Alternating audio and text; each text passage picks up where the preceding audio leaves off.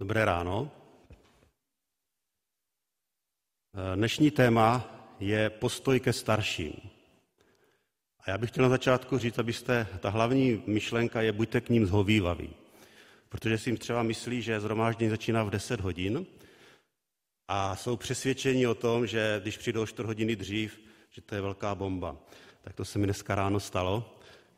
Jsem si říkal, jak jsem tady včas a málem jsem přišel pozdě.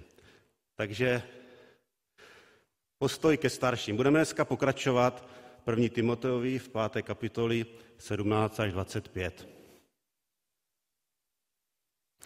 Možná dřív ještě, než to budeme číst, tak eh, bych řekl ten kontext. Možná si říkáte, já nikdy nebudu starší, eh, dneska to bude možná nuda pro mě, ale je to přesně opačně. To, o čem dneska budeme mluvit, je právě postoj ke starším. A co dělat, když nefungují, jak mají fungovat, eh, jak je ustanovovat, jak je podporovat, jak je káznit. A celý ten, možná ještě ten, celá ta kniha, ještě řeknu takových těch pět témat, které tam máme, abychom věděli, kde jsme. To první téma je zdravé učení, veřejné bohoslužby, vedení církve, osobní kázeň a péče o lidi církvi, církvi nebo vztahy k různým skupinám. A dneska je ten vztah ke starším. Takže podívejme se na to, pátá kapitola 17 až 25. Starší, kteří svou službu konají dobře, ať se dostane dvojnásobné odměny, zvláště těm, kteří nesou břemeno kázání a vyučování. Neboť písmo praví, nedáš náhubek do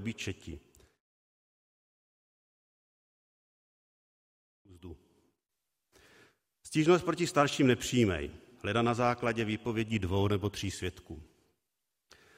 Ty, kteří hřeší, kárej především, aby se báli ostatní. Zapřisahám tě před Bohem a Kristem Ježíšem a před vyvolenými anděli, abys takto postupoval bez předjatosti a nikomu nestranil. Neustanovuj nikoho v církvi ukvapeně, abys neměl spoluvinu na cizím hříchu. Uchovávej se čistý, Nenu se pít vodu, ale kvůli svému žaludku a kvůli svým častým nemocem mírně užívej vína. Hříchy některých lidí jsou zjevné a ještě než dojde k soudu, u jiných výjdou najevo až na soudu. Právě tak jsou zjevné i dobré skutky a pokud ještě nejsou zjevné, nezůstanou skryty. Tak, postoj ke starším.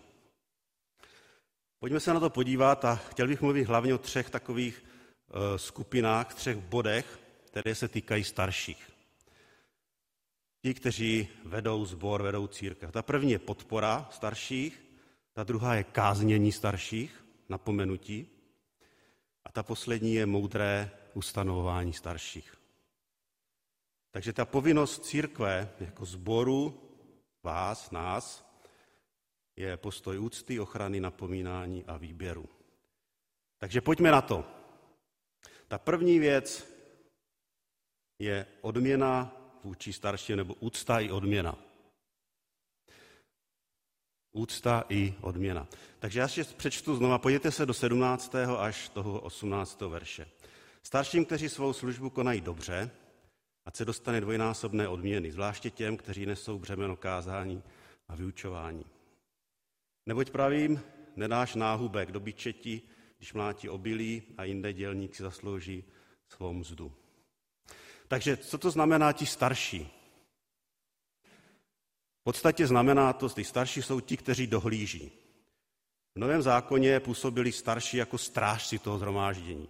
A když se podíváme do skutku, do 20. kapitoly, tak bych ještě přečetl, co apoštol Pavel říká právě tady těm chlapíkům starším, kteří se dostali zkaz do Efezu a přišli za Pavlem.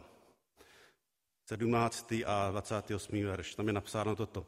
Z Milétu poslal Pavel zkaz do Efezu a zavolal si starší církve. A co jim řekl? Dávejte pozor na sebe i na celé stádo, ve kterém si vás Duch Svatý ustanovil za strážce, abyste byli pastýři boží církve, řešili vnitřní záležitosti církve a někteří vyučovali. Strážci, pastýři řeší záležitosti církve a vyučují. Je tady množné číslo, jo, všimněte si. Starší. Je to vždycky otázka týmu.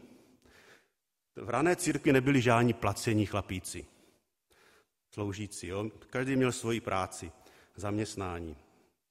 Ale později, když vlastně narostl počet lidí, tak bylo třeba zabývat se dalšími záležitostmi, připravovat se na vyučování. A ti, co sloužili pravidelně, tak to nemohli dělat při svém zaměstnání nebo na úkor svého zaměstnání. Takové nebezpečí. Sloužit Pánu Bohu na úkor svého zaměstnání. A tady se píše, že pokud to dělají dobře, svědomitě, pokud tomu věnují dostatek dlouhého času, což znamená e, přípravě, často učí, tak stěží tady tito lidé mohli vlastně mít čas na jiné zaměstnání. A poštol Pavel právě říká, těm, kteří pracují v kázání a vyučování, ti, kteří tady mají tyto dovednosti, dary, schopnosti, musí být udělena dvojnásobná, a teďka si říkáte, odměna. Co to je? Když si vezmete jiný překlad, tak je tam čest, úcta. A se jim dostane dvojí úcty, dvojí odměny. A si říkáme, co to tam je? A já bych se k tomu, tady k tomu slovu vrátil. To slovo, to řecké slovo v podstatě má takovou širokou škálu použití. A to stejné slovo je v té páté kapitole použito, když se mluví o vdovách. V tom třetím verši je napsáno, to je zajímavé, ekumenický překlad říká, pečuj o vdovy, studijní překlad říká, měj vdovy v úctě. Úcta, péče, starost. Postarej se o její životní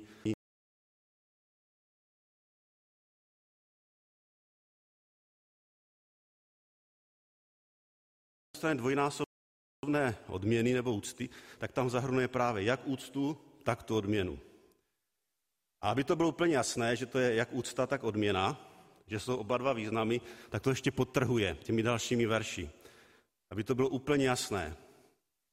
Říká o odměně za vykonanou práci, mluví o nasycení zvířete, že mu nedáš ten náhubek, který člověk teďka má třeba, špatně se s tím mluví, a také mzda pracujícího dělníka. Takže to jsou ty důvody. On říká úcta i odměna.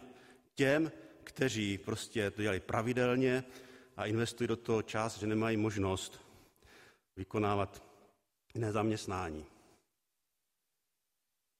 To jsou hlavní důvody, proč eh, vlastně církev, a teďka už se to týká církve sboru, má finančně zabezpečit svoje služebníky. Ať se jim dostane těm, kteří to dělají.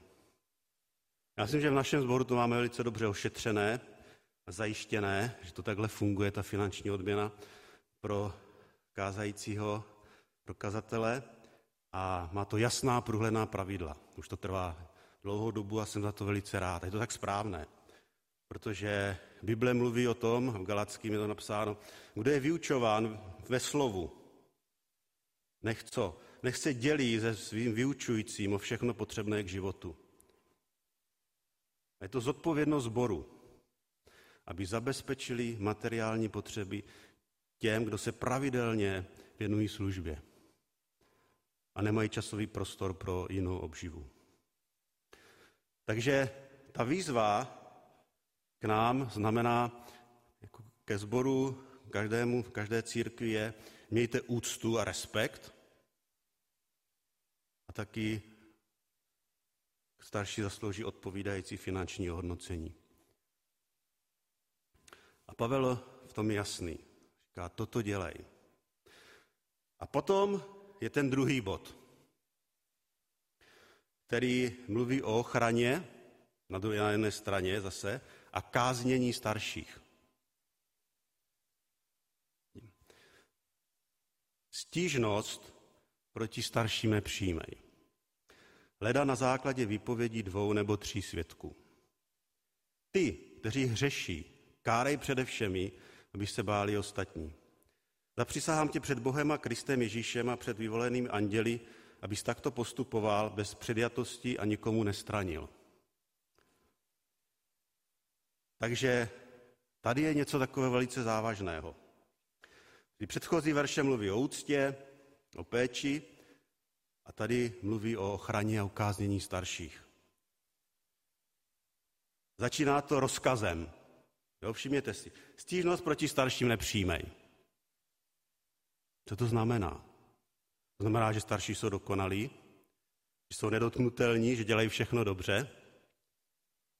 Možná v některých zborech to tak je, jo, že mají dokonale starší, ale u nás to tak není, protože tam jsem sám, tam patřím a znám se moc dobře. Takže co to znamená? O co tady jde? Jak můžeme napomínat? Můžeme vůbec něco dělat? Trochu budu věnovat delší čas tady tomuto. První tady to slovo, co tady je, neznamená nějakou stížnost jenom, ale jde o obžalobu. Doslova to slovo je žaloba. Jde nějakou vážnou věc, která je proti, znešena proti starším. A tady musíme jasně rozlišovat mezi hříchem, který se dopouští starší, a mezi věcmi, které, eh, ve kterých se třeba názorově nezhodneme. Na různé tradice, na různé postoje. Protože pak může jít o pomluvu nebo o nějaký protest a tak dále. Může být celá řada věcí, níž, eh, jako, níž lidé nebudou souhlasit s postojem a názorem některého ze starších. To je prostě realita. Může být řada motivů, které se mohou nepochybně budou, budou špatně interpretovány. Je velmi zjednodušující a nějaké zpovrchního pozorování říct, jak to ten druhý myslel. A při jakémkoliv tom hodnocení v názoru nebo rozdílnosti nejenom staršího, Pavel říká, dejte si dobrý pozor na to, jestli jsme tomu dobře rozuměli, co ten druhý opravdu říká, co chce, co chápe, co řekl. A to je to vysvětlení. Jo? Takže musíme si rozlišovat mezi hříchem a mezi tím, že se v něčem nezhodneme. To o tom tady poštol Pavel nemluví. Já si myslím, že u nás je to spíš opačný. Máme opačný problém, než bychom podávali žaloby. My moc nechodíme jeden za druhým, abychom se jak pozbuzovali, tak napomínali. Aby jsme si vysvětlili věci. Jak, jak jsi to myslel, jak jsi to řekl? Nerozumím tomu. Jo, pokud vidím věci, které vidím to jinak, nebo kterým nerozumím, to nejhorší, co se může stát, je, že, že nepůjdu za tím starším, nepožádám o vysvětlení, ale budu dál to rozšiřovat, ty věci. Pak vznikají pomluvy, drby, špatné výklady. A je to něco, co je velká škoda. My se potřebujeme pozbuzovat i napomínat. Říká otevřeně názory. To moc neumíme. Toto je něco, co si myslím, že je velká výzva pro nás. Říkat ty věci, které se nám nelíbí. Říkat věci, které třeba vidíme jinak. To je potřeba o tom mluvit. A potom tady, ale potom, co, co, co dělat, když vidíme hřích? Když vidíme, že něco nefunguje podle Bible, ne podle našich představ. Jo? Naše představy a Bible, to jsou dvě různé věci. Pokud vidím hřích u kohokoliv,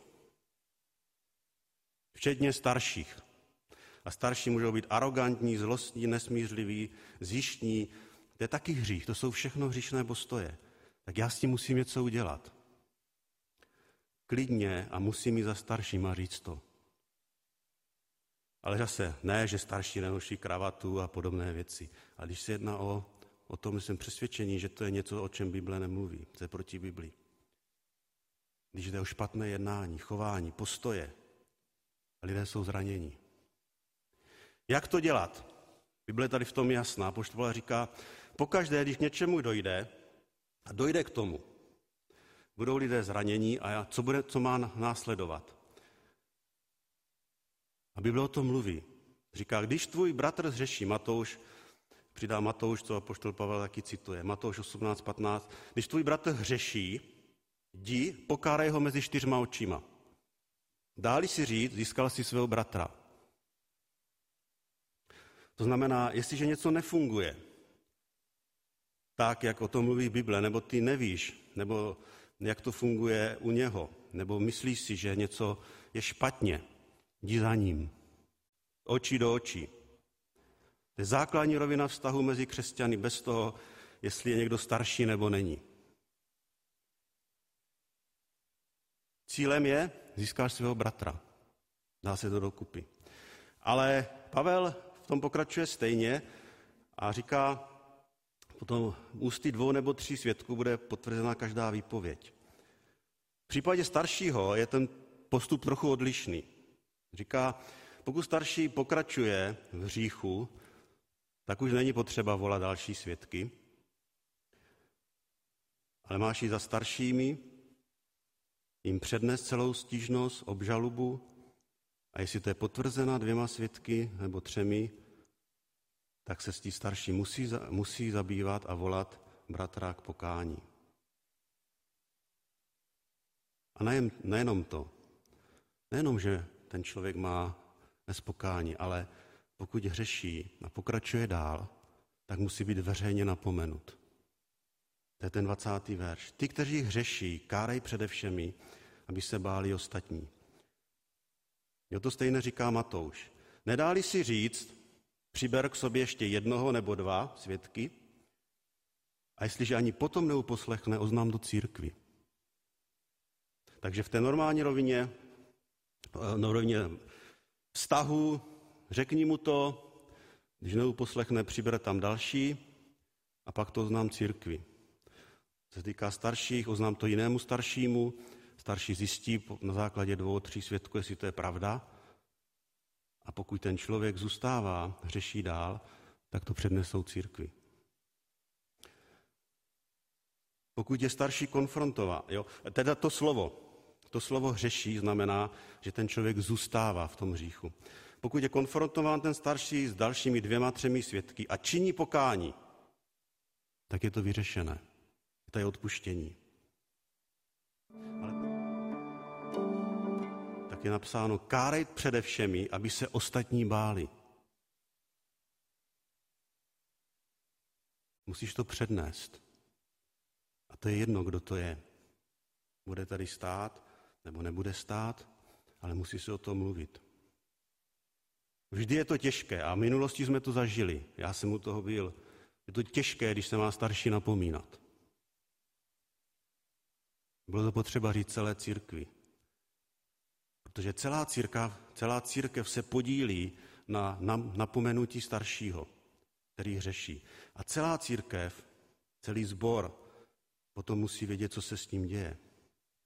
Proč? Aby ne, nedošlo k podobné situaci.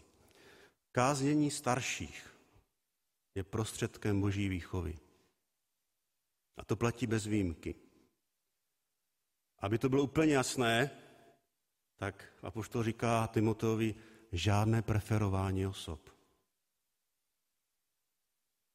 Žádná, zapřísahám tě, abys to dělal před nějaké předpojatosti a nikomu nestranil. Timoteus tam žil nějakou dobu, určitě za tu dobu si vytvořil přátelé, ustanovil starší a někteří selhali. On řekl, a to říká, úplně jasný, to musí být černobílý. Žádné dlouhodobé vztahy tady prostě, když se jedná o něco špatného, nemůžou hrát roli. Protože často pak nejsme objektivní. Takže kdybychom to zhrnuli si tady tu věc, ochrana káznění starších. Buďme k sobě otevření. Napomínejme se a pozbuzujme. To my potřebujeme. Pokud vidím hřích u kohokoliv, nesmím být pasivní. Musím s ním něco udělat, jít za ním. Pokud je to u staršího, řekněte to jemu, po případě jinému starší, a ti mají povinnost to prověřit do dalších svědků. Pokud se chování nezmění, tak to má se přenést, přednést veřejně ve sboru a má to být veřejně napomenutí. Jsou to těžké věci, ale jsou to nutné věci. Takže máme úctu, odměnu, ochranu a káznění. A to poslední, co tady je, je ustanovení starších. On říká, 22. verš, neustanovuj nikoho v církvi ukvapeně. Tečka.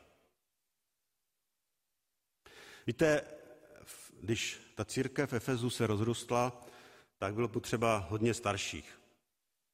A když je probuzení, tak my si někdy říkáme, je potřeba hodně rychle nových vedoucích a v té církvi nové, nové starší. Je potřeba rychle, rychle někoho najdeme. A on říká, nedělej to. Nedělej to. Pokud ten člověk nebude mít charakter vybudovaný a nebude mít patřičné obdarování k tomu, aby mohl být starším církve. Na nikoho nevkládej ruce ukvapeně. Nespěchej s tím. Proč?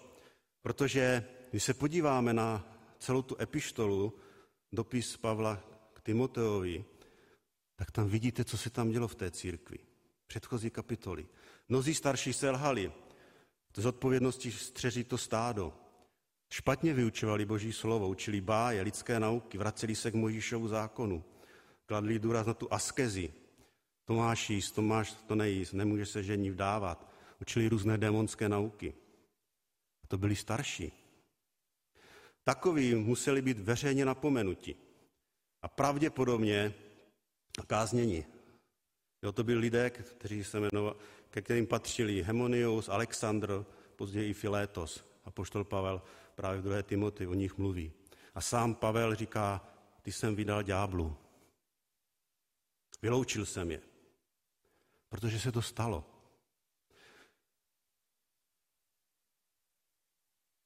Říká, nikoho neustanovuj v církvi ukvapeně. Proto Pavel říká, no nespěchej. A to neříká jenom církev v Efezu, to říká i nám. To říká všem lidem, veškeré církvi. Nedělejme to rychle. Proto eh, apoštol Pavel mluví o těch, že jsou taky kvalifikace, že potřebuje to nějaký čas, je tady zralost, je tady charakter, jsou tady dary. A to si myslím, že je potřeba brát v úvahu. A to děláme. A budeme dělat. Vím, že bude, budou volby starší na podzim. Nikoho neustanovujeme rychle. A mysleli by v tom třeba našem procesu, který máme, že tam je prostor několik týdnů, aby kdokoliv, kdo má jakoukoliv pochybnost o tom starším, tak aby znesl otázku, aby se zeptal na jeho charakter, na jeho obdarování, na jeho postoje, názory. Je to proces. Výběr starších je proces. Není to hlasování, když člověk přijde a zvedne ruku nebo napíše nějaké jméno. A to je výzva pro nás, pro celou církev, abychom toto dělali. Takže máme tady tyto tři, tři věci. Úcta, odměna, káznění, ochrana a e, neustanování starších rychle. A potom jsou závěrečné rozkazy. E, ta ekumenická Bible to dobře nepřekládá, tam jsou jenom rozkazy. Mi neskládej ruce na nikoho, tečka.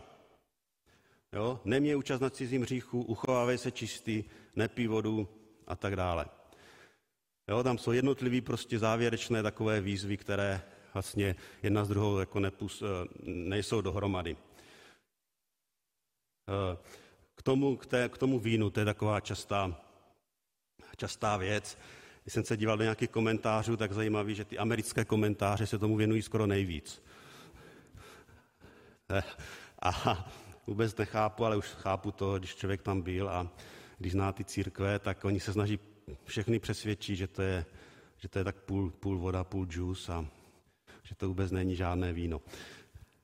E, nicméně je to jasné víno, je to tady medicínský, léčebný prostě potext. Možná u nás doktoři by řekli něco jiného. Pí co? Plzeň, že jo? Jo, tam by bylo by víno, u nás by bylo by Plzeň na žaludek a je to úplně to stejné, takže tu aplikaci si můžete z toho vzít i tady toto. A je to napsáno to slovo s mírou. Jo, neospravedlně žádné nadměrné pití alkoholu. To je úplně jasné. A potom na závěr říká, Hříchy některých lidí jsou zjevné. 24-25. Ještě než tomu dojde u soudu. U jiných výjdou najevo až u soudu. Právě tak jsou zjevné dobré skutky a pokud ještě nejsou zjevné, nezůstanou skryty. Víte, spousta věcí i v, tom, v té církvi, ve sboru nebudou zjevné. Ani ty špatné věci. Ani ty ale dobré věci. A my třeba jako starší nejsme policajti, abychom odhalili všechno. Nemáme na to. Ale tím se ani nemáme zabývat. Některé jsou zjevné, některé nejsou. Některé, ale všechno vyjde najevo. Nejenom ty špatné skutky, ale i ty dobré skutky. Nezůstane to skryté. Takže to je výzva pro nás, pro, i pro, pro zbor, pro nás starší. Všechno bude zjevné, dobré i špatné. Nemusíme všechno odhalit, všechno proskoumat, na všechno nemáme. To není náš úkol. Nemusíme všechno potrestat, když to tak mám říct. Ale na druhé straně taky se nemusíme bát, že nějaký dobrý čin bude zapomenut. Všechno vyjde najevo, i to dobré, i to špatné. Pán Bůh je spravedlivý tady v tomto. Takže ten dnešní kázání byl nadpis Postoj ke starším. A dal bych tam to zhrnutí na závěr. To je to jádro toho. Postoj ke starším. Úcta a respekt a odpovídající finanční hodnocení. Druhá věc je, buďme k sobě otevření. Napomínejme se a pozbuzujme. A pokud vidím hřích u kohokoliv, nemá být pasivní. Když se jedná o staršího, běžte za ním nebo za jiným starším a ti to mají úkol prověřit o jiných svědků. Pokud se chování nezmění, musí se to veřejně před, před, eh, přednést veřejně ve sboru. A poslední, dobře prověřujme charakter a obdorování u starších. Jestli jsou k tomu způsobili, abychom něco nedělali rychle. Toto je hodně důležité, když si říkáte, možná se to nás však netýká, ale je to hodně důležité pro zdravé fungování církve.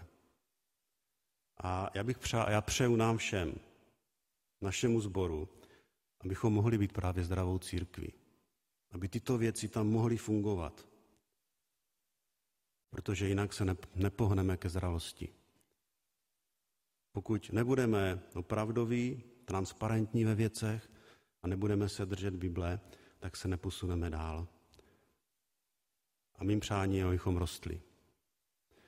Každý osobně a my jako zbor. Amen.